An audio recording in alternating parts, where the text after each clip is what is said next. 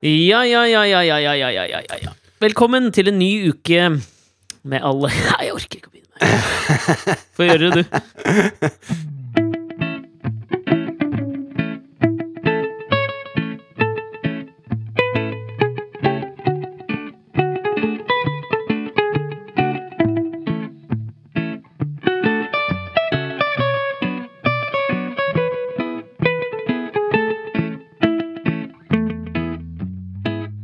Velkommen til en ny uke med Alex og Fridtjofs podkast.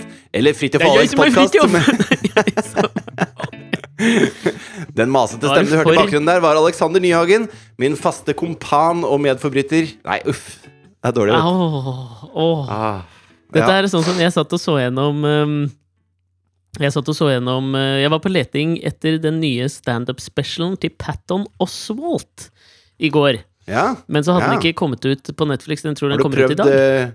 Eh, har du prøvd Google? Altså, de er ofte veldig flinke til å hjelpe til i sånn leting. Nei, men altså, jeg visste jo at den uh, skulle komme ut, uh, så derfor, derfor skrudde jo jeg på Netflix i troen om at uh, den skulle ligge der, og så bare bladde jeg gjennom. Eh, Så var den ikke der. Men da beit jeg meg merke noe annet, apropos det du nå sa, hvordan du på en måte beskrev oss, som jeg, jeg syns var litt fascinerende. Og det var at på, på Netflix så ligger det jo nå stadig flere typer sånne standup-specialer av eh, forskjellige komikere. Ja. Og det som jeg syns alltid er så interessant å lese der, det er den lille beskrivelsen av komikeren som ligger på en måte på, på forsiden. Så du kan se liksom Patton Oswald, kjent fra ditt og datt, han har sånn og sånn humor. Altså, de prøver å beskrive det på et, på et par, par setninger, kanskje maks. Ja, ja. Og, og det som er så fascinerende der, da jeg begynte å bla igjennom, det er at det, det er en ganske stor forskjell på hvordan kvinnelige og mannlige komikere beskrives i de der små tekstene, de små, eh, la oss kalle det ingressene til standupen. For det Ja. Nå har ikke jeg det bredeste empiriske grunnlaget her, men jeg, mente, jeg mener å, å, ha, å ha gjenkjent en eller annen system La oss kalle det feil, da. Ok. Nemlig at de her eh, Mm. ingressene for kvinnelige komikere, de er veldig annerledes. Nå, nå bare, bare klikka jeg meg inn på Netflix. Jeg skal bare gi deg et eksempel. Så går jeg inn på der, der hvor det er eh, standups. Og så ser jeg første kvinne jeg finner her. Skal vi se Catherine Ryan, In Trouble. Upassende med stil og alt annet enn vanlig. Ok, Husk det. Så går jeg ned til neste. Da ser jeg Ali Wong. Hun er tøff, uanstendig og gravid. Og det Ja, men her er sånne altså, ting som det- går igjennom. Jeg får jo lyst til å sjekke ut. Det virker jo besnærende. Ja, det, og det er jo, det er jo, bety, det er jo Ja, ja. meningen, det. Men det som er så fascinerende, syns jeg, er at på kvinnelige komikere virker det som det, det, det ligger et eller annet behov for å si at de er upassende, uanstendige, tøffe. Og det gjør de ikke på noen av de mannlige komikerne. Det fascinerte meg litt. Er nei, dette en Det høres jo veldig rart ut hvis du sier liksom Jerry Seinfeld, uanstendig, Mm. pirrende og tøff. Altså, det er, det er ikke de tingene jeg er ute Ja. etter hos Jerry Seinfeld. Nei, men ikke sant? Er det, er det nødvendigvis de tingene vi skal, liksom, skal være ute etter hvis vi skal gidde å se på en kvinnelig standup-komiker? Var det jeg tenkte på da jeg bladde gjennom mm. dette her? Jeg syns det var litt sånn det, det var litt ufair. Jeg er enig i observasjonen din, og hvis man skal dra det litt videre, da Altså, vi, Forrige uke så snakka vi om hele Weinstein uh, Weinstein? Weinstein? Hva foretrekker du? Weinstein. Weinstein. Mm, Bruce Springsteen? Nei. Weinstein. ja. Eh, hele den greia der. Eh, og det er jo ikke det, det er, Dette er jo ikke noe som bare dreier seg om han, det dreier seg om en systemfeil i, menneskeheten. Hvordan menn uh, bruker makt til å, til å uh, dominere og, og prøve å, å, å muskle til seg Penetrere? Ja, til å dominere og penetrere. Ja. Og det har jo vært oppe et forslag i USA om at man, og det gjelder spesielt på sånn college campus, at man skal ha et slags muntlig ok hver gang man går videre fra base til base. Sånn at man jo, Ja. ja, så Hvis det er sånn eh, Å, kanskje, kanskje litt kyssing er på sin plass nå, så sier man Hva tenker du om et kyss? Og så, sier, og så skal man ha et slags muntlig Ja, det kunne jeg tenkt meg. Og da kan man kysse. Og så. Hva med at jeg tar litt på din eh, høyre brystvorte her nå? jo, eh, det, det er jeg med på. Ok, da gjør jeg det. Uh, ja. Syns du det er greit hvis jeg tar av meg buksa nå, eller? Ja, det syns jeg er helt innafor. Og så på et eller annet punkt så, så er man eh, vel inne i en slags tralt, eh, og i Ja. gang. Men dette med den muntlige At med mindre man har fått en muntlig tilbakemelding hver gang man går til en ny base, så er det Mm, ikke mm. greit. Da kan det dreie seg om et form for overgrep. Eh, Jeg er helt enig, men i praksis så vil det jo drepe store deler av romantikken. Altså, det var jo en øh, på, på her, den kjente amerikanske TV-serien Jane the Virgin, etter at um, Donald Trump ble president, så skrev de om en del av manusene for de kommende episodene, hvor én skulle dreie seg om at noen ble romantisk involvert med hverandre og ville kysse. Eh, hvor en karakter da svarer jeg, jeg tror ikke på romantikk lenger. All romantikk er ødelagt etter at uh, Trump tok over. Mhm. Og dette vil jo potensielt Nå sier ikke at jeg at jeg skal støtte at eh, man skal ture fram som man alltid har gjort, men spørsmålet blir jo liksom når begynner tralten? For på en eller annen Kall det tralt, da, eller kall det lidenskap. Men lidenskapen må jo på et eller annet tidspunkt ta Tralt er ikke et veldig romantisk ord, heller. Det er helt riktig.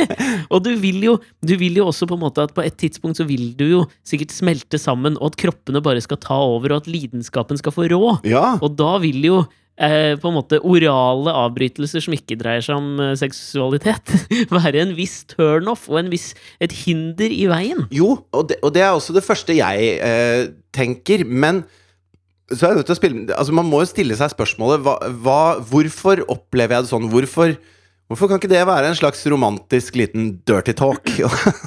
og spørre om man er liksom, Hva med litt, eh, hva med litt snuppa? Kanskje ikke akkurat sånn. Nei, ja. men, men så tenker Ja. man på ikke sant, Det er mange andre eh, Altså Hvis du prøver å sette det i andre sammenhenger, da At eh, eh, hvis du f.eks. Eh, frir til noen, så kan det være utrolig romantisk. Det kan være noen veldig romantiske ord. Noe helt annet enn hvis du bare vrir den høyrehånda hennes eh, inn og holder den fast og stikker på henne en ring, og da er det greit, liksom. Da fikk du til det. Nailed it. Ja. Altså, Ja. der, der er jo Der er vi jo ens med at det er en slags sånn Vil du gifte deg så får du et ja, og så er det sånn Å, det er livsbejaende ja, som, som gjør at mm. romansen eh, blomstrer. Ikke sant? Sånn at det kan jo hende at, at ord også kan være romantiske. ja, men det er jo det er jo gøy med at du, liksom, du må fri til hver nye base. Hadde jo kanskje vært noe Ja, romantisk i det Og hver gang! Og hver Ja. gang skal du Ja, også det. Fordi at det, Hver eneste gang. Og det kan bli et lite ritual. Men, jo, men tenk deg, ikke sant Eh, Jeg hørte på en, en podkast som heter The Weeds. Eh, Mm. Hvor de egentlig snakker om eh, sånne altså policy-ting. da Altså De går gjennom Åh. sånne Nå trodde jeg det kom pott. Nei, de gjør ikke det. Ja. Eh, De går gjennom forskningspapirer og politikkpapirer eh, som er eh, liksom Så diffust! jo, Nei, men det er, egentlig prøver jeg å være presis nå, jeg bare Ja, lykkes ikke så godt. Ja, ja. Altså hvis eh, La oss si det er skrevet en eh, ny lov, og så uh, i media så diskuterer man på en måte de, de brede tingene i den loven, mens Mm. de er sånne folk som leser hele lovteksten på 1000 sider, og så diskuterer de det. Så det er en, en nerdete tilnærming. Men eh, der snakka de om Altså dette med eiendomsrett er vi veldig eh, Altså, mitt og ditt, det er veldig innarbeidet hos folk flest. Så hvis jeg Mm. kommer hjem til deg, da, jeg kjenner deg veldig godt, Mm. eh, og så ser jeg en eh, kul bok, så, så eh, det, på ikke noe punkt går jeg bort og bare tar den boka. Nei. Selv om det hadde helt sikkert vært greit for deg hvis jeg lånte den. Mm. Men eh, er, jeg er litt sånn rasshøl hvis jeg bare tar den. Ikke sant? Så jeg spør, og det er ikke noe det er, en, det er en fin ting å spørre, da. Kan jeg låne den boka? Ja, det kan du. Ok, takk. Hei. Ikke sant? Så der er det helt naturlig at vi spør, da. Selv om det helt sikkert er greit for deg at jeg låner, og vi kjenner hverandre veldig godt, og vi har et nært, intimt bokforhold. Ja, Sånn jeg ville jo reagert. Du ville reagert, ikke sant? Ja. Eller hvis jeg bare så en eh, deilig ost i kjøleskapet ditt, og så bare tok jeg den, ikke Ja. sant? Uten å spørre. Og så eh, tenkte jeg Yes, vi var såpass close at jeg klarte å bare ta denne her. Mm. Sånn at det, det har jo noe med hvordan, eh, hvordan vi er oppvokst. Og så, og så dreier det seg også om at man skal flytte frykten, da. Fordi at det, kvinner går jo rundt og er redde for menn. ja, ja. Eh, og det er kjipt at de føler, at de føler en frykt overfor når Når er det eh, Fordi menn skal liksom være de som eh, Det er liksom eh, romantisk og lidenskapelig å bare ta det man trenger, på en måte. Mm, eh, og- ja, romantisk, men ikke så veldig det kom litt liksom feil ut, akkurat det. At det det liksom- litt mandig. Ja, det er mannen som skal ta initiativet, og det er mannen som skal være forføreren. Mens kvinnen skal forføres. Det er liksom den gamle stereotypen da, som man lever etter. Mm. Men det Som bygger noen opp lever etter, må vi jo da påpeke. Altså, det er jo sikkert veldig mange, både menn og kvinner, som liker å kaste litt om på det der. Ja, men, men hvis du tar sam... Altså, i Norge også, som helhet, så tror jeg folk vil si Hvis du spør liksom 100 mennesker på gata, 50 kvinner og 50 menn, hvem er det som bør ta initiativet til en romanse? Eller hvem er det som sier Hei, vil du være med meg ut og spise en bedre middag? Så vil Mm. nok de fleste si at det er mannen som skal spørre om det. Tror du ikke det? Ja, det vil jeg tro. Ja. Det vil jeg tro. Så det å flytte flytte hele eh, frykten over fra at, Sånn at kvinnene vet at eh, mannen prøver ikke bare å ta dem på puppene og kysse dem på et eller annet tidspunkt hvor han finner det for godt, men han må spørre først, og da er det frykten for avvisning som er den reelle frykten oppi der, istedenfor frykten for overgrep. Og det er mye, det er mye sunnere, føler jeg. Jo, ja, det er jo på, ja, det, på en måte så er det jo det. Men, men eh, Og kanskje det er som med dickpics, at eh, menn tror det er romantisk, men kvinner syns egentlig ikke det. Så kanskje det å spørre øh, Vil du ha et kyss? menn, tror du menn som sender dickpics, tenker at det er romantisk, det de gjør, når de åpner opp brallorna og tar et bilde av junior? Tror du, det, tror du romantikk er det som står i hodet på deg, eller Nei, er det en slags weird ekshibisjonisme som bare må ut? De må jo tenke. Altså, de, det Tror du kan noen jo har fått ligge på et dickpic? Altså, det er jo sikkert noen, men det er Ja, ikke Jeg tror suksessraten Kanskje de, de to har endt med å ligge med hverandre, men det er på, på, på tross av dickpicet, tror jeg. Ikke på grunn av dickpicet. Nei, det er for så vidt sant. Men, men Mm. tror du at hvis, hvis, eh, hvis jeg, La oss si jeg, Bare tar jeg en random fyr Jon Arne Riise, da. Så sender Ja. jeg et dickpic til noen. Ja. Ikke, ikke det at Jon Arne Riise ville gjort noe sånt, selvfølgelig. Men eh, Nei, nei, nei, la oss si Eller broren til Jon Arne Riise kan jeg være. For eksempel. Si at jeg er broren til Jon Arne Riise og sender et dickpic til eh, Til Maria Mena. For eksempel. Altså, dette er bare et hypotetisk eksempel. Ja, ja. Ja. Eh, Si at du står på badet, da. ja, jeg står på badet mitt, jeg er broren til Jon Arne Riise, sender et dickpic av meg selv til Maria Mena. Helt hypotetisk. Helt hypotetisk. Ja. Mitt formål med det er jo ikke at Maria Mena skal åpne det bildet og si Åh! Altså å få en sånn kvalmefornemmelse. Jeg Nei. håper jo at hun skal tenke wow. Ja, ja. wow. At jeg skal vekke et slags sånn katteaktig knulleinstinkt i popstjerna. Ja, akkurat det skjønner jeg. Men samtidig så vil jeg jo tro Uh, på en måte For å parafrasere Samantha Bee her, at uh, det som fins på mannekroppen som er styggest, det er jo dikken. Altså, Ja. Og det vil jeg si meg ganske sånn enig i. Jeg er fornøyd med veldig veldig mange ting rent sånn visuelt. Objektiv visuell nytelse. Må jeg innrømme også at det, til og med jeg ikke får det av å stirre på min egen dikk. Nei, overhodet ikke. Altså, eh, Altså, det er noe med jeg tror ikke min er noe styggere eller penere enn en normal penis. Ikke min heller. Jeg bare tror liksom selve dikkens beskaffenhet ikke er en, en er eye candy. Sånn Nei. generelt, liksom. Ja, det kan jeg være enig i. Men hele poenget mitt er at det, Den eh, ser jo rar ut. Det ser ut som en deformert, litt sånn der, kjip slange som ble født altfor tidlig. Ja, din ble født altfor tidlig, kanskje. Eller altså Men- Nå skal jeg ikke generalisere. Eller som en litt deformert eh, hockeypuck. Ikke pocky-huck. Nei, men det jeg skulle fram til, da, var at det, den tanken om eh, lidenskap som eh, denne hypotetiske eh, broren til Jon Arne Riise hadde da han uh, hypotetisk sendte et sånt bilde til Maria Mena, Helt hypotetisk, ja. ja, det er jo på en måte han, han må jo da ha i denne hypotesen tenkt at det er noe som er uh, opphissende for henne. Ja, På samme ja. måte som man tenker kanskje at den derre Altså hvis jeg lener meg inn nå og kysser henne, så, er, så vil hun oppleve det som at uh, jeg er en eh, Jeg er en eh, eh, Hva er det det heter når man Forførerisk mann. ja. Ikke sant? Eh, men kanskje menn bare har tatt feil om det. Alltid. Kanskje det er mye bedre å si eh, Hei, jenta mi. Eh, hva Har du, har du Passer det med et kyss nå? Eh, Hva sier man, da? Hva har du sagt? Ja, nei, men altså, jeg veit da faen, jeg, jeg. Jeg er ikke helt sikker på om det stemmer.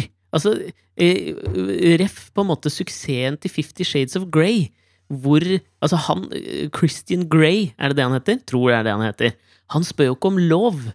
Altså, det er noe med det der at Men altså, og nå mener jeg Jo, men da tar du jo utgangspunkt i at alle husmødrene som ser Fifty Shades of Grey, har lyst til å oppleve akkurat det hun opplever i den filmen, og det tror jeg ikke er reelt, da. Nei, det tror jeg ikke, men jeg tror alle også lengter Og det, kan, det tipper jeg ikke Nå sier jeg ikke at dette bare er kvinner.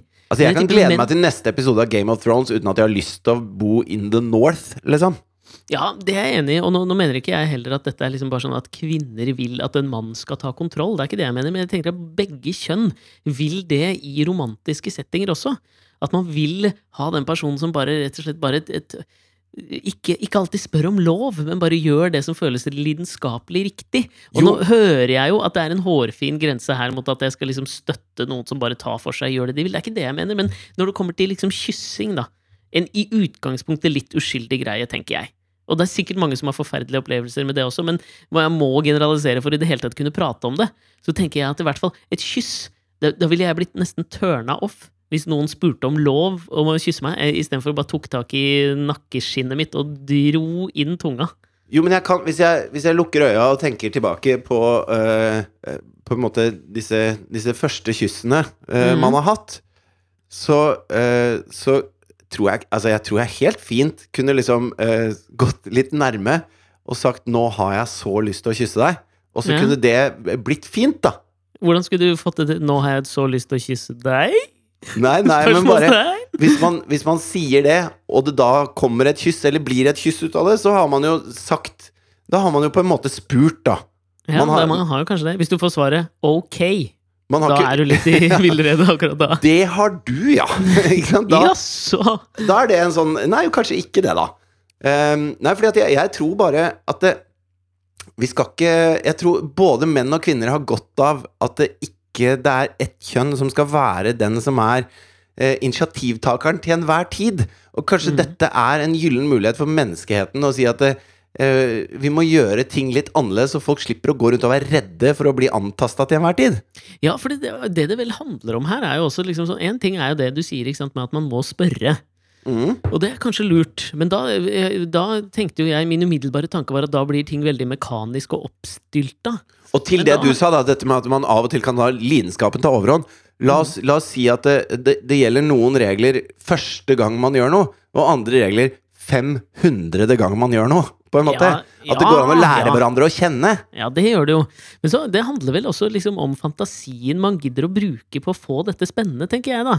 Si at den hypotetiske eh, broren til, Bjørnar, eh, til Jon Arne Riise sender et hypotetisk tekst, og så, og så møter han denne hypotetiske popstjernen, og så skal de gå til seng sammen. Og så, gjelder det jo på en måte heller å spørre og gjøre Det- spørsmålene til en del av de kom aldri av så langt i min hypotese. Nei, ikke i min heller, men la oss, nå, la oss dra den videre. Da. Si at de hypotetisk da eh, gjør seg klare. Så, så gjelder det jo på en måte heller å spørre på Altså, kan, kan eh, til, Ber om tillatelse til at midtstopperen møter Libroen på på midtstreken. Altså, du må gjøre det liksom sånn må gjøre det litt mer spennende. I ditt tilfelle, da. Kakegeneralen ber om tillatelse til utskyting av en tarte de papa. Jeg vet ikke hva du vil Nei, men Man skal jo ikke være som de one-linerne på Netflix som skal få deg til å ha lyst til å se hele komishowet. Eh, Det trenger ikke være så finurlig, tror jeg, da. Nei, men det kan være litt mer fantasifullt. Altså, om, det ikke, liksom, om ikke kakegeneralen ber om tillatelse til utskyting av sine små melismakroner, så kan det nå i hvert fall være liksom, Man kan jo gjøre det litt hvassere enn å bare spørre Kan jeg få lov å inn, i, sette min penis inn i din eh, vagina. Ja. Ja, nei, vet ikke. Det kan gjøres eh, bedre enn det, men jeg tenker det, dette er ikke en tid for å være morsom. Altså Hvis du har lyst til å lage en slags sånn uh, herlig, romantisk, lidenskapelig liten stund, så ikke, ikke gå for humor, Ja, men hva faen, hva, hva spør du om da, liksom? Hvis du skal være sånn, hvis det er litt røff stemme Kjøttøksa ber om tillatelse til å spørste altså- noen biffer. Fy faen! Nei, da hadde jeg Hvis jeg hadde vært kvinne, da hadde jeg kanskje vært keen helt til du sa det. Og da hadde jeg rygga fort unna. Ja, men faen, fordi det, dette bør jo være et slags sånt forbrukerelement i podden her nå. Hvis noen har lyst til å applisere dette i virkeligheten, så må vi jo også finne gangbare løsninger på hvordan man faktisk gjør det. Skal vi knulle, da? ja, ja, Ja, ok. Ikke med den oppgitte tingen jeg sa men den tonen der. Men, men altså eh, det går, det går jo an å si lidenskapelig, sikkert, uten at jeg skal prøve på det i en podkast til deg. For det er jo bare Jeg kjenner at jeg rødmer allerede. Ja, Men, dere kan jo eh, høre dere tilbake til podkast to, hvor jeg prøvde å fake en orgasme, er enn det har det vel aldri vært i det der Nei, det tror jeg faktisk ikke.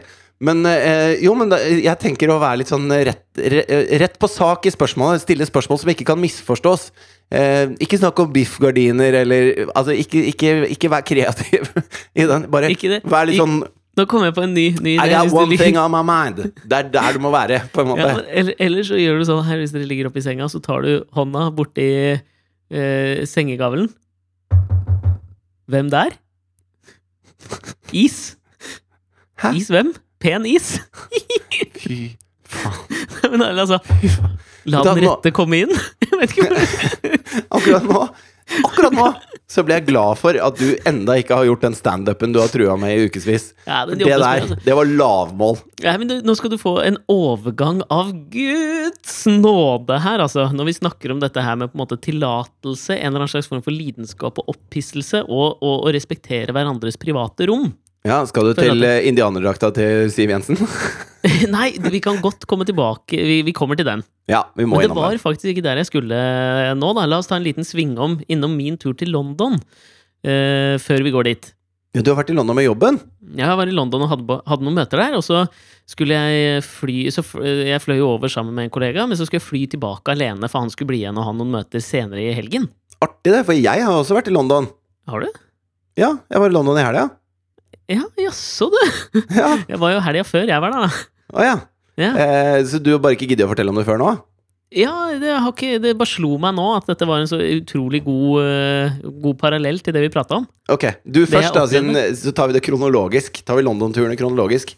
Ja, men det er greit, fordi da jeg skulle fly tilbake eh, Du vet jo at jeg ikke er noe sånn spesielt glad, for, eh, glad i å fly. Mm. Og det er jo ikke sånn at jeg flyr dritmye alene da. Eh, Nei. For det som er best da, er å ha en stødig høyre hånd. Og dette Ja. var ikke ment i en slags seksuell setting, at jeg går og runker på de små dodassene. Men du, du flyr jo ikke alene. Altså, det er mange mennesker på det flyet. Du er jo ikke fire Ja. år, Alexander. Det er ikke sånn at du må ha lapp 'jeg flyr alene'. Ja, men jeg har liksom ikke med meg noen jeg kan sitte og prate med. Altså, jeg er jo ikke på en måte personen til å slå av en prat med noen når jeg setter meg ned i, i et sete ved siden av noen på fly. Og okay. jeg misliker litt de personene som gjør det. Men eh, der møtte jeg jo meg sjøl litt i døra, fordi da jeg sto og venta på flyet tilbake til Oslo fra Heathrow, så hadde jeg gått og handla litt ting, kjøpt meg noen gaver til barna, og, og så går jeg mot gaten, og så ser jeg ved gaten, så ser jeg Erling Kagge. Oh, ja. Og så tenker jeg liksom han, eh, han ser jeg litt opp til. Han er rå, liksom. Forleggeren og eventyreren. Ja, hva faen har vi på Erling Kagge, egentlig? Han Han var vel i utgangspunktet eventyrer. Han gikk til Nordpolen, var det ikke det? Sammen, gikk han sammen med Børge Hva er han heter Børge Austdal? Børge Ausland? Ausland. eh, Det er jeg usikker på. Ja, jeg tror det. I starten av 90-tallet starta på en ekspedisjon til, til Nordpolen. Uh, ja, hvem Så begynte vel hva- hele Kagge forlag med at han ga ut sin egen bok om det. Gjorde det ikke det? Ja, jeg lurer på det. Han har gått til Sydpolen og Mount Everest og studert filosofi på Cambridge. Det er noe Det er noe, Det er noe Arne Nesk over ja, det er noe litt sånn Arne Nesk over det, junior. Min, altså, den halvstuderte røverversjonen av Arne Næss, vil jeg påstå. Okay, ja. Og så driver han jo Kagge forlag, som har blitt en bitte liten maktfaktor i den norske forlagsbransjen, kan vi vel si. ja, det tør jeg påstå. Uansett. Og så er han jo en ekstremt eh, Jeg tror han er en veldig ivrig kunstsamler. Mm. Jeg ser jo for meg at han er stinn av grunker. Så min tanke, når jeg på en måte øh, skal da gå inn på flyet, Ja. det er jo at jeg, jeg krysser jo på en eller annen måte fingra litt for at jeg havner ved siden av Erin Kagge. Og blir livredd og må ta han i hånda. Ja, eller i hvert fall at jeg kan liksom strike up a conversation med Erling Kagge, tenkte jo jeg, så jeg for meg liksom at ok, da hvis jeg ser Tror du at det hadde hjulpet like mye som Sobril for deg på en sånn flytur? Ja, det kunne det gjort. Ja. Men da hadde jeg allerede tatt Sobrilen. Den var jo i ferd med å rønne inn i blodet mitt og gjøre meg avslappet og rolig og ikke så redd for de der eh, å åpne samtaler med folk. Ok, ja. Men ikke sant, hva faen er sjansen for at du kommer ved siden av? Det er jo et svært jævla fly, ikke sant? så jeg går jo på. Og så merker jeg at jeg på, på en eller annen måte, kanskje ubevisst, så, så fotføl fotfølger jeg han jo inn, så jeg kommer jo rett bak han inn på flyet. Ja. Ser hva han tar med seg. Han tar med seg Financial Times eh, Weekend eh, Edition til Financial Times, som jo blant konnoissører sies at er den vasseste papiravisa i dag. Okay. Så jeg tar jo nappe med meg en av den, jeg også. Går bak han inn på flyet. Han har jo selvfølgelig liksom rufsete hår, men Og så går du sikkert og tenker sånn Det kan være en start Å ja, du tok ja. Financial Times, du òg? Ja, ja, ja. Artig. Tenkte det. Tenkte det, vet du. Jeg liker den avisa veldig godt, jeg. vet Lørdagsutgave. Du vet weekendutgaven, den er jo vassest. Kjenner, du meg fra TV, eller? Hvem er du? Ja, men jeg, du har helt rett at jeg, jeg, jeg, sitter jo, Eller jeg går jo og tenker på Conversation Starters med Erling Kagge. Så Mm. jeg legger jo merke til at han har liksom en ganske raff klokke. Der hadde jeg en start. Jeg ser at han har en ganske sånn kul cool tote bag, som jeg også har fra Astrup Fearnley. Så tenker jeg, å ja, den ja, kunne jeg starta der. Mm. Ser at han har noen ganske freshe kicks. Jeg tenkte ok, ja, vi kan begynne der. Altså, det var, jeg Hva er hadde, forskjellen på kicks og sneakers, egentlig? Mm, det er ingen forskjell. Det er bare sko. Det er bare sko. Ja, ok. Det er, det er samme. Men så går jeg nå i hvert fall bak han inn på flyet, og altså, i miraklenes tid er ikke forbi. Eh, jeg havner faen meg ved siden av Erling Kagge på flyet. Ok. Så jeg dumper, han dumper ned, og så sier jeg faen, jeg skal jo sitte ved siden av han. Så han sitter på vindussetet, jeg sitter i midten, og så kommer det en dame og setter seg. Det er det som dumper ned ved siden av han, vipper opp min Financial Times, han skinn. Vi har et lite nikk. Vi har et lite øyeblikk, på en måte.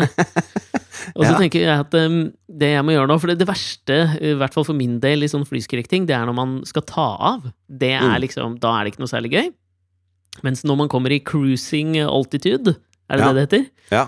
Eh, så går det ganske greit. Så det, det jeg gjør, er at jeg Men ikke hvis du får et sånt som øh, Var ikke det Malaysian Airlines eller noe sånt? Så fikk jeg et sånt fall på 6000 meter. De traff en luftlomme oh, som gjorde at de falt 6 kilometer før de fikk eh, stabilisert igjen.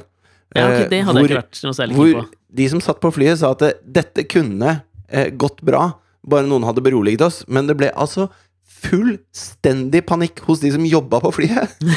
Det var de som skrek og bare 'We're gonna die!' Og da ble det jo helt baluba på det flyet, da.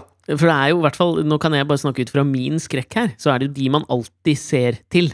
Hvis altså kabinpersonalet er rolige, Ja. da roer du deg litt ned. Ja, definitivt. Eh, Men det jeg gjorde, var altså sånn for, for å motvirke For jeg ville jo ikke virke som en pingle overfor Erling Kagge, som har faen sikkert gått uten forsyninger til begge polene, hva faen veit jeg, liksom. Altså, det, var Det kan fremdeles hende han er redd for å fly. Det kan det, men jeg hadde ikke lyst til å vise fram det. Han virket ekstremt avslappa og rolig, som om dette var noe han gjorde annenhver dag. Noe han sikkert gjør! Noe han sikkert gjør, det var det jeg skulle si. Så han var liksom veldig rutinert flyver. Det kan du jo se på folk, hvor lite de har med seg, hvordan de på en måte inntar kabinen og setter seg ned og har planen lagt. Føler jeg, da.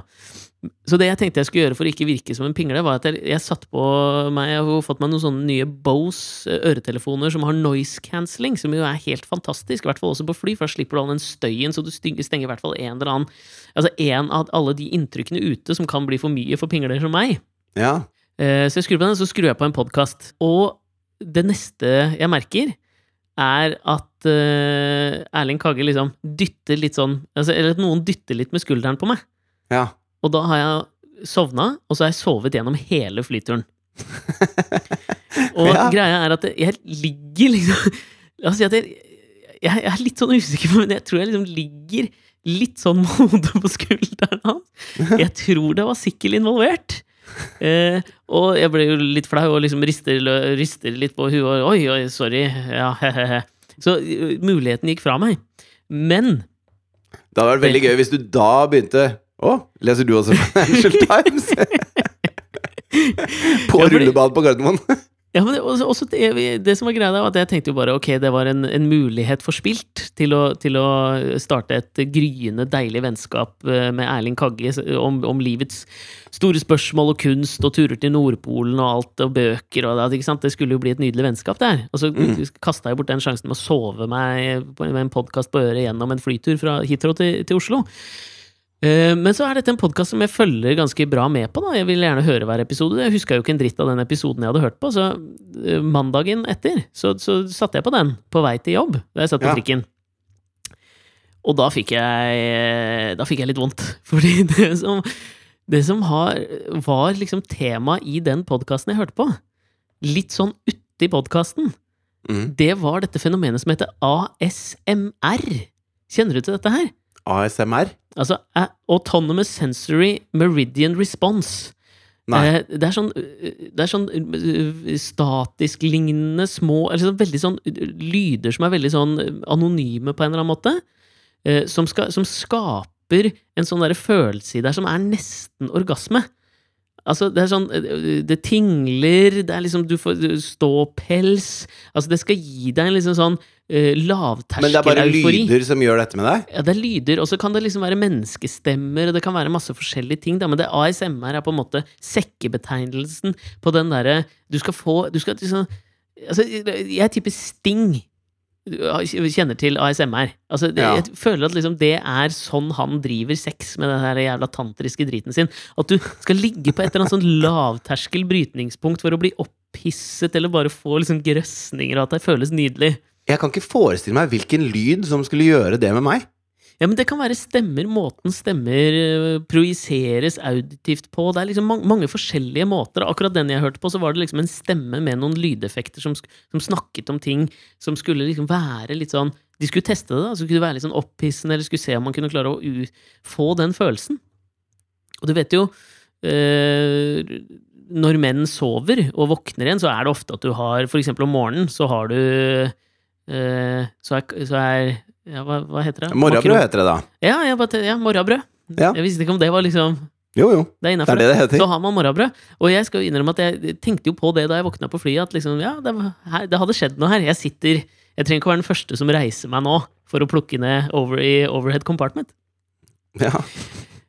Men det er jo klart at Og dette her er så frustrerende, for jeg kommer jo aldri til å vite svaret på dette her. Denne podkasten har altså rulla og gått i huet mitt mens jeg har ligget på skulderen til Erling Kagge og vært en smule opphisset i Mens du har to timer. sikla på han, litt sånn småkåt. Altså, jeg skulle jo faen spurt om lov for det der, i hvert fall.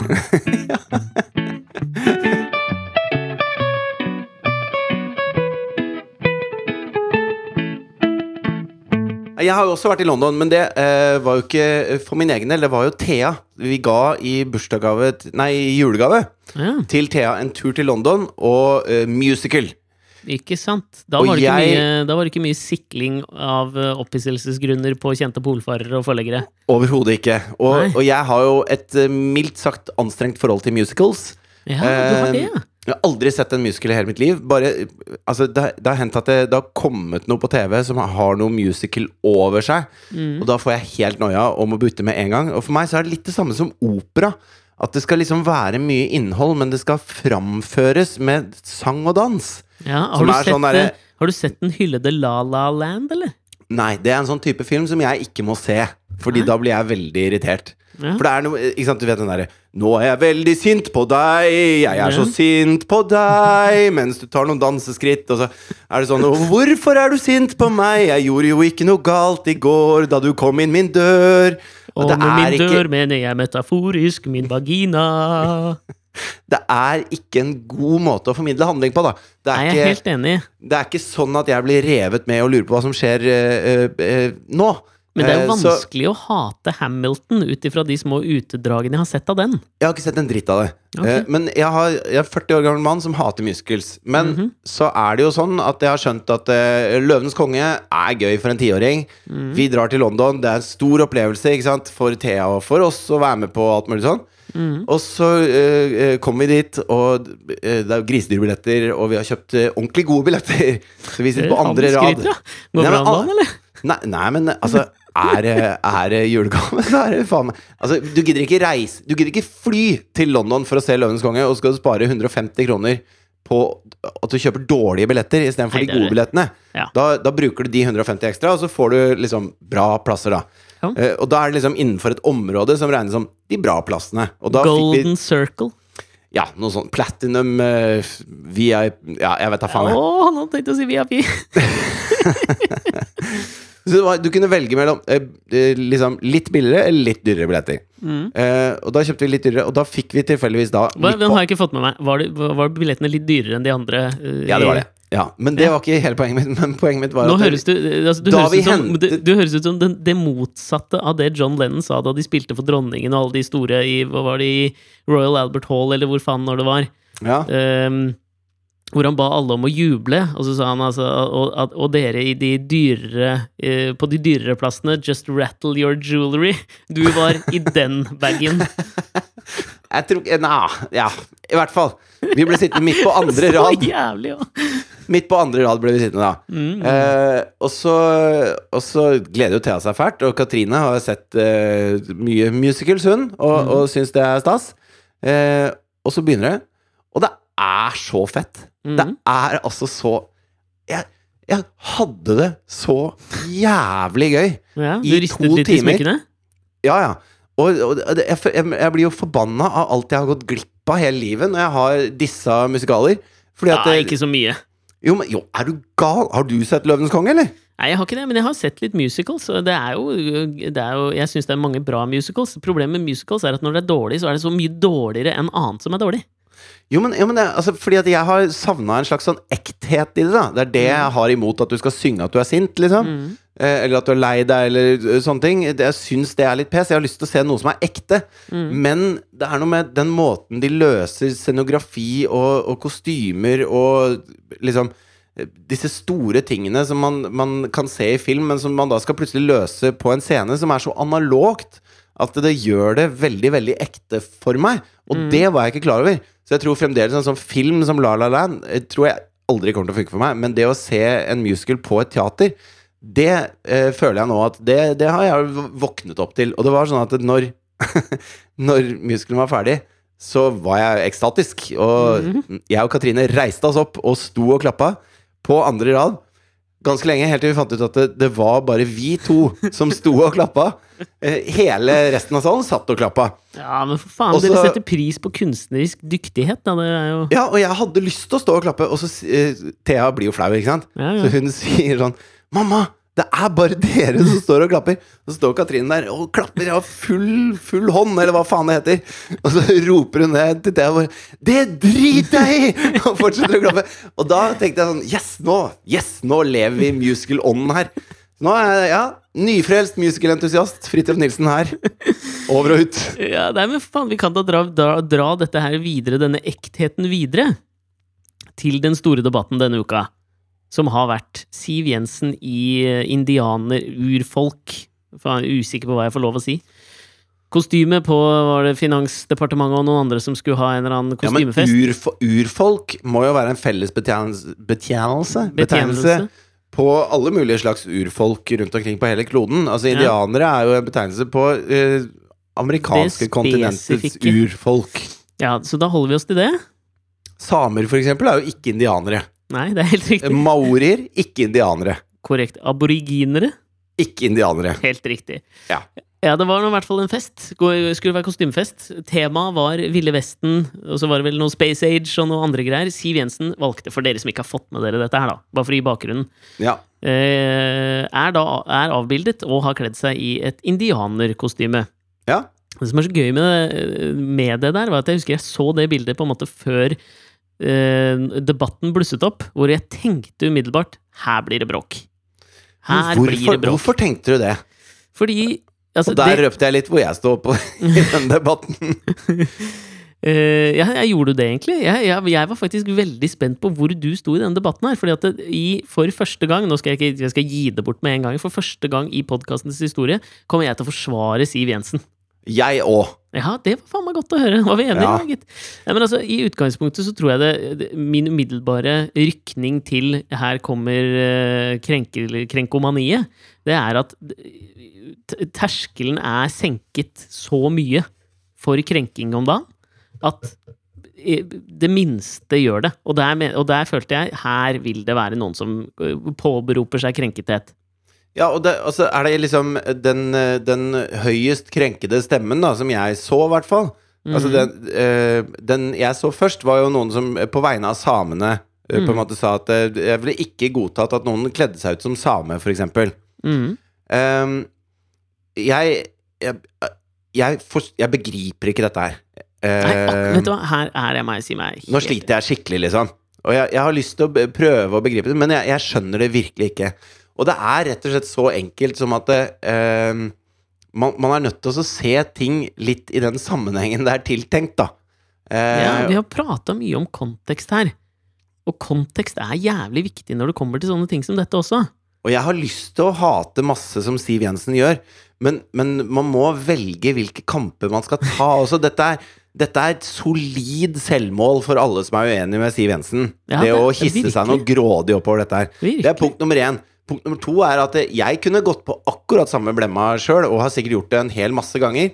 Altså, eh, jeg har jo til og med forsøkt med en hudfarget hoppdress og to ballonger å kle meg ut som en stor pikk. Mm. Eh, Eller dikk, dick, jo- som vi tydeligvis kaller det i dette og avsnittet. dick, ja. Og det er, jo, det er jo mange som sikkert har hatt uheldige opplevelser med peniser opp gjennom Mm. eh, verdenshistorien, og, og ville synes at det var et utrolig upassende kostyme. Hashtag eh, metoo, for å bruke en kontemporær kampanje. Ja. Ikke sant? Men det må være lov å leke med noen verdens ting, da, selv om du er Siv Jensen. Selv om du har ikke sant? Og når folk da ikke sant, leter nedover og så finner de ut at ja, Siv Jensen er finansminister, oljefondet investerer i ting som støtter opp om en pipeline i USA som eh, går over noen gravplasser for Swix-indianere. Og Hun derfor er det upassende at hun har på seg et. Pocahontas-kostyme på et kostyme. Altså, det har virkelig ikke Siv Jensen eller noen rådgivere tenkt på underveis. Nei, og det- er, og, og, og det jeg mener virkelig altså sånn, De har ikke tenkt på det, og jeg mener at vi kan ikke kreve at de skal tenke på det der heller.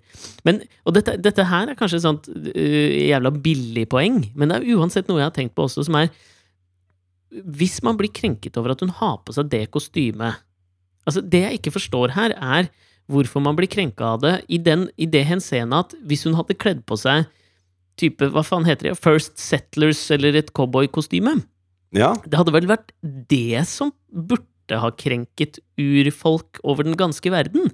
Det var jo de som drepte indianerne. Er ikke det en verre påminnelse å få enn at noen kler altså, Hvis vi skal liksom være i denne her tolkningens tidsalder, at alt kan tolkes av hver og en enkelt person, så hvorfor tolkes ikke Siv Jensens indianerkostyme som en hyllest til indianerne mot den grusomme og systematiske etterfølgingen de har hatt i uh, hundrevis av år? Av Jo, alt fra jo, men- First Settlers opp til i dag. Jo, og dette er jeg helt enig i. Og, og jeg kjenner at det, Jeg husker jo prins Harry kledde seg ut som uh, nazist. Eller Hitler, da. Ja, ja. Ikke sant? Eh, Og med sånn hakekors på armen og sånn. Ja, og det ser mye verre ut på et bilde også. Eh, altså, og, og jeg kjenner at jeg hadde Det skulle vært en rar fest før jeg syntes det var gøy eh, En god idé av meg å kle meg ut i en eh, nazi-uniform. Mm, Eh, så, så der kjenner jeg at det der er en sånn ryggmargsrefleks hos meg som jeg ikke helt vet hvor kommer fra, men det, det ville jeg sett på som utafor. Og jeg kan ikke forklare hvorfor det er greit å kle seg ut som cowboy og viking, f.eks., som også har eh, brokete, krigstunge historier, Ja. mens eh, nazist er utafor igjen.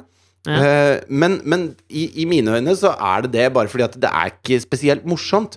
Men samtidig så har du halloween, hvor folk kler seg ut som Jack the Ripper og Mm. Marilyn Man... Nei, Charles, Charles Manson var det jeg prøvde å si. Eh, eller liksom en eh, zombie, eller hva, hva faen man kler seg ut som på halloween. Hvor det er jo Der skal man jo finne provoserende kostymer på en eller annen måte, da. Ja, men det, det er alle de sammenligningene som gjøres nå også, som jeg ikke helt kjenner meg igjen i. Det er mange av kritikerne som har sammenligna det med, med, med type sånn blackface-kostymer og blackface i gåsetegn humor, da, hvor jeg, bare, jeg er helt uenig i at det er den samme tingen. Altså, hele estetikken til blackface går utover og å, å smøre seg med skokrem i ansiktet, det er på en måte Det er jo en hel estetikk som går ut på å på en måte gjøre narr av en rase. Eh, helt bevisst. Jeg mener at å ta på seg et, kost, et, et kostyme som et indianerkostyme ikke er i nærheten av den uh, i den typen utdriting, eller du, du, du endrer ikke fakter og sånn, sånn som du gjør eller stemmen din, eller hva nå det er, når du tar på deg et indianerkostyme. Ja, men Var det ikke er- Else Kåss Furuseth som kledde seg ut som Oprah Winfrey på en eller annen rød løper for noen år siden? Ja, det var på en eh, vårlansering for TV2, tror jeg. Ja, og så ble det jo helt eh, forferdelig baluba av dette. Og hun kledde seg ut som en spesifikk person. Ja. eh, av en spesifikk grunn, liksom. Ja. Uh, og jeg bare jeg, jeg forstår ikke hvorfor ting eh, Ja, jeg, skjønner, jeg skjønner ikke hele debatten. Jeg skjønner ikke Ja, er hvorfor folk blir så- forbanna av det. ja, det Jeg bare lurer på hva er det man skulle kledd seg ut som? Kanskje med unntak av hit, altså, hakekors og sånn, da. Ja. Et hakekors er et veldig provoserende symbol for meg. Men det har noe med uh, hvordan ting er nå i dag. At de som, de som sporter hakekors i 2017, er folk som har så forkastelige holdninger at det, det har jeg ikke noe bruk for å kle meg ut som. Men, men jeg kunne fint glede meg som Jack the Ripper, selv om han er et, et vel så stort rasshøl som eh, noen nazist noen gang var. Ja, men også kan man jo på en eller annen måte hevde at, eh, at indianere forfølges i dag også. Ja, ja. Men, men, men, men det er bare det er hele det poenget at hvis du kler deg ut som nazisten, så kler du deg ut som den som gjorde ugjerningen. Hvis du kler deg ut som en indianer, så kler du deg ikke ut som den som har gjort ugjerningen. Og det Jo, er en du- stor forskjell. Jo, men, da blir det jo eh, Altså, alle folk har historie, Mm. ikke sant? Eh, samer har sin historie. Eh, indianere i USA eh, har sin historie. Og maorier har sin historie. Og vi, da. Vi har også vår historie. Mm. Eh, og, og vår urdrakt er vel en slags sånn litt dårlig dress. eh, fra Altså, jeg vet ikke, hva, hva er din urdrakt? Det må vel være bunaden, da.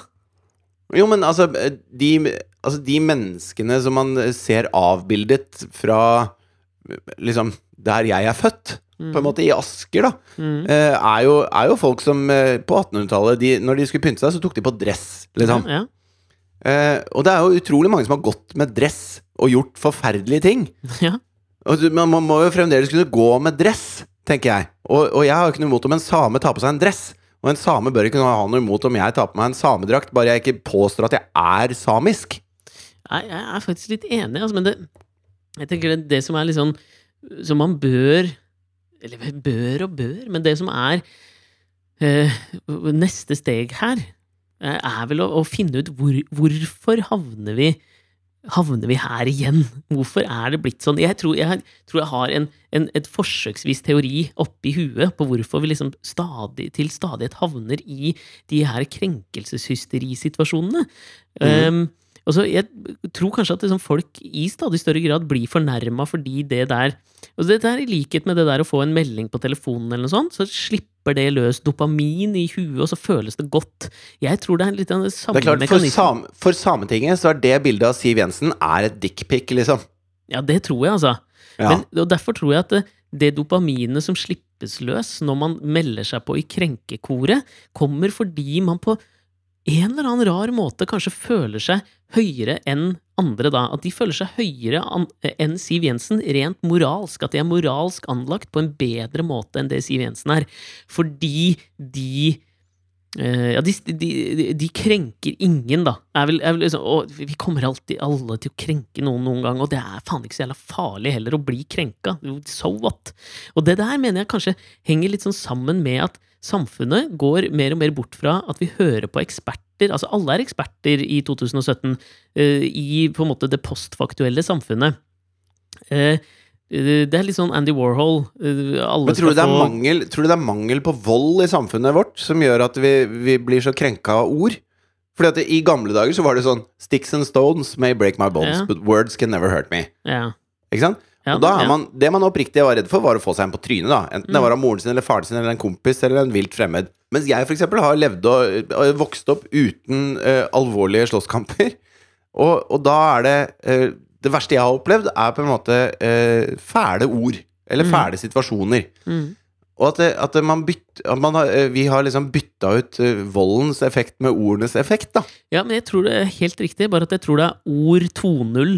Sånn Mhm. at ord nå betyr noe annet enn de gjorde for, for en stund siden. Fordi nå, nå har alle eh, Bare la meg være helt tydelig jeg, jeg Når jeg sa mangelen på vold, så er det ikke sånn at jeg har lyst til å få mer vold inn i samfunnet, sånn at vi Nei, nei, fremdeles kan det. si dritt til folk uten at de tar seg nær av det. Nei, nei, men bare som en forklaringsmodell, liksom. Så er Ja, ja. det, jeg tror det er jævla riktig. Bare at sånn, ord 2.0 kan bety en eller annen Når alle har muligheten til alltid å publisere seg selv, og, at, og man får en eller annen bekreftelse kontinuerlig på at det du mener er riktig, dette har vi prata om mye, så tror jeg tilbøyeligheten til å føle at det du mener er det riktige, det moralske og det som gjelder, er større.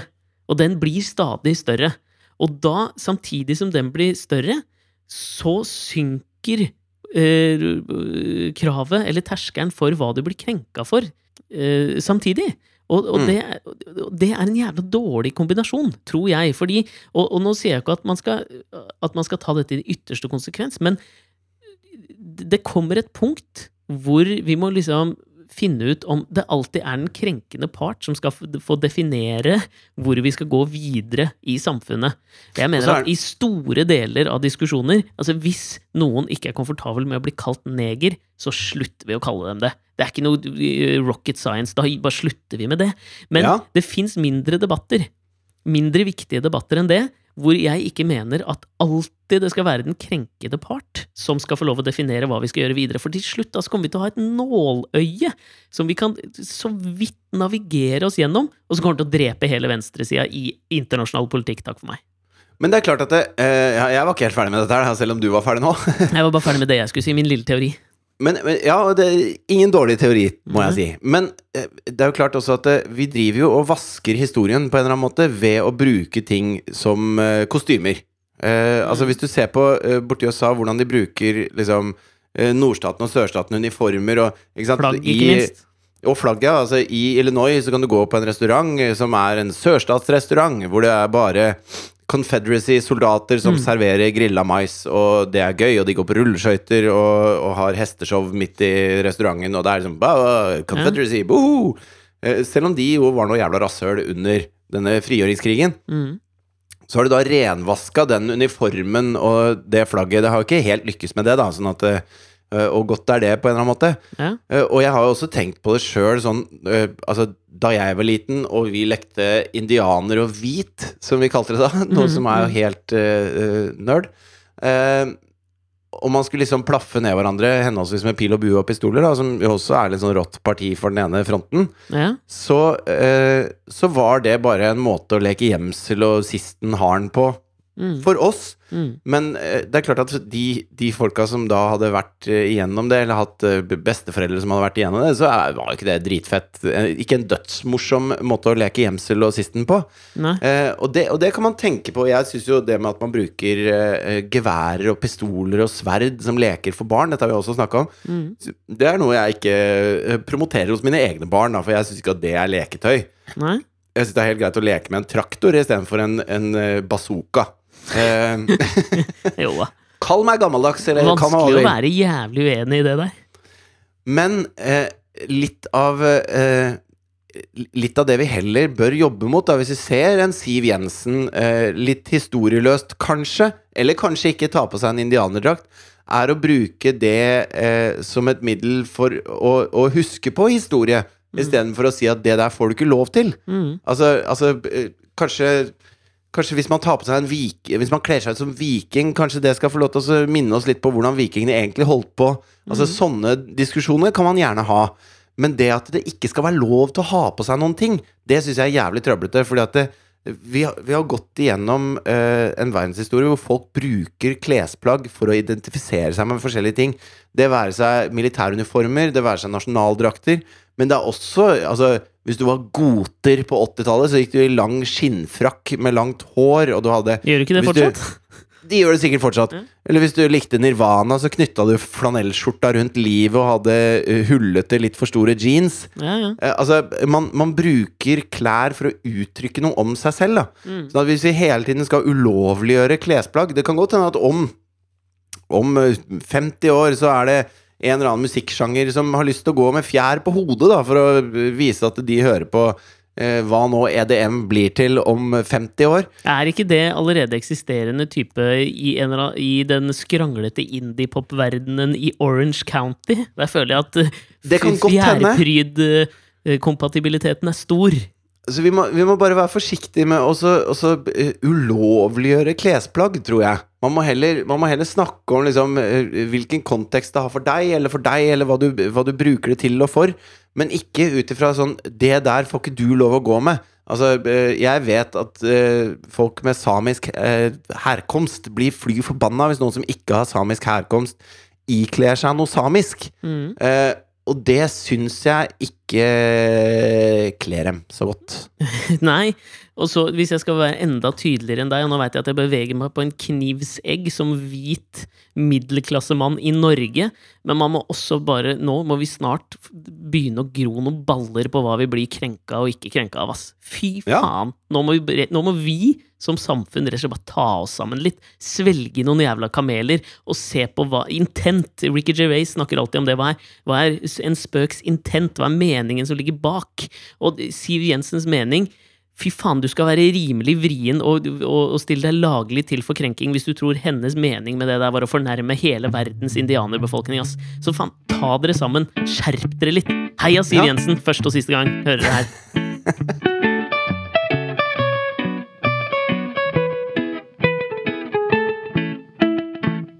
Men du, mister, nå må jeg kaste meg tilbake til, eh, til dagens dont. Um, har du en siste kommentar du har lyst til å vie vår eh, kjære lytterskare? Ja, en ting jeg ble litt krenka av, da. Det er at, Ja? At Larry Flint har utlovet en dusør for å få Trump sparket. han- Lever Larry Flint? Han lever det, eh, altså Larry Flint er grunnleggeren av pornobladet Hustler. Mm. han er kjent som en så, Han er, han er Nydelig sånn portrettert av Woody Harrelson i en eh, deilig biopic. Ja. Han er liksom den skitne Hugh Hefner. Og, og Hugh oh, ja. Hefner var ganske skitten. Jo, Sånn men at han var, han var på glansa papir. Ja, men, men Larry Flint var liksom den derre eh, dirty varianten av Hugh Hefner. Mm. Altså med, med pornobladet sitt Hustler. Så Larry Flint er ikke en eh, Han er ikke Guds gave til menneskeheten, Nei, eh, kan vi ikke. være enige om. Oh, ja. Og han er jo da irritert på Trump, ikke sant? så nå har han utlovet en million dollars, eller hva det er for noe. Overraskende! Overraskende! Larry Flint er så ekstremt Trump-velger-type. Jo, men samtidig, Larry Flint er veldig for pressefrihet, da. Han har lyst til å trykke hva ja, faen han vil i Hustler. Ja, det er sant. Uh, uten at uh, og, og Trump er jo ikke så for pressefrihet. Kanskje det er der. Jeg, hvem faen vet? Ja. Men, men jeg bare Det jeg blir krenka av, det er at, det, at det, verdens skjebne skal bestemmes av disse folka! At det er Trump og Larry Flint som liksom skal bestemme hvor verden går videre. Det er ikke noen, det er ikke noen nobeltenkende, smarte mennesker der ute som, som styrer verden. Det er de jævla folka der!